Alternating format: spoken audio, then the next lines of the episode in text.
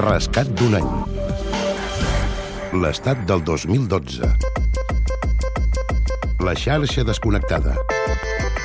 El 19 de gener d'aquest 2012, milions de seguidors de sèries nord-americanes es quedaven sense el seu principal proveïdor. L'FBI tanca Megaupload. L'FBI ha tancat, com deien, començar el portal de descàrregues Megaupload i el seu director i tres directius han ingressat en presó preventiva. El servei d'emmagatzematge d'arxius posava fi així a gairebé 7 anys d'existència. És una operació que alhora ha provocat la clausura de pàgines vinculades amb Megaupload, com ara Megavideo, que permet veure vídeos per internet, una mena de YouTube, Megapix, Megalive i Megabox.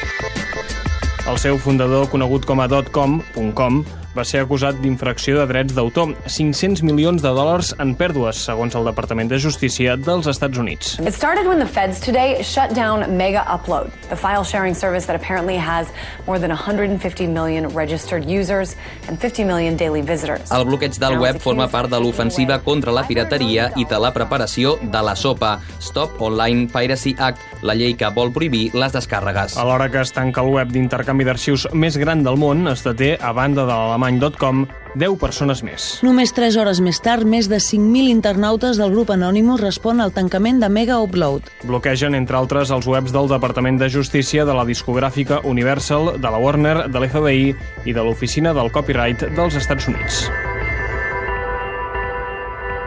Espanya es mira de reull aquests tancaments. El tram final de la legislatura de Zapatero va estar marcat, entre d'altres, per l'anomenada Llei Cinde, que porta el nom de la llavors ministra de Cultura. L'objectiu és modificar les lleis espanyoles perquè una comissió del Ministeri de Cultura pugui tancar webs. PP, PSOE i Convergència i Unió hi donen suport. González Sinde, al matí de Catalunya Ràdio. Lo que pasa que había que hay que equilibrar esas fuerzas para que la gente que se dedica a generar cultura o a venderla pueda seguir ganándose la vida. El reglament el redacta l'executiu de Zapatero, però no l'aprova a l'últim Consell de Ministres ja en funcions. El nou govern de Rajoy en la primera reunió hi dona llum verda. Entra en vigor l'1 de març d'aquest 2012.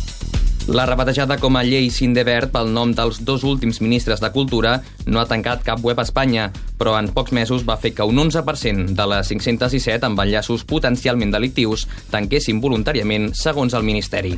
Als Estats Units, .com està a punt d'obrir un nou web, Mega, el fill de Mega Upload, que, segons el seu fundador, serà completament legal perquè els fitxers seran a l'anomenat núvol i farà servir encriptació de dades. La responsabilitat, doncs, recaurà sobre els usuaris. Rescat d'un any. L'estat del 2012. Edició Joan Bota i Marc Curado. Producció Anna Escura i Mercè Ribas. Muntatge musical Joaquim Garcia.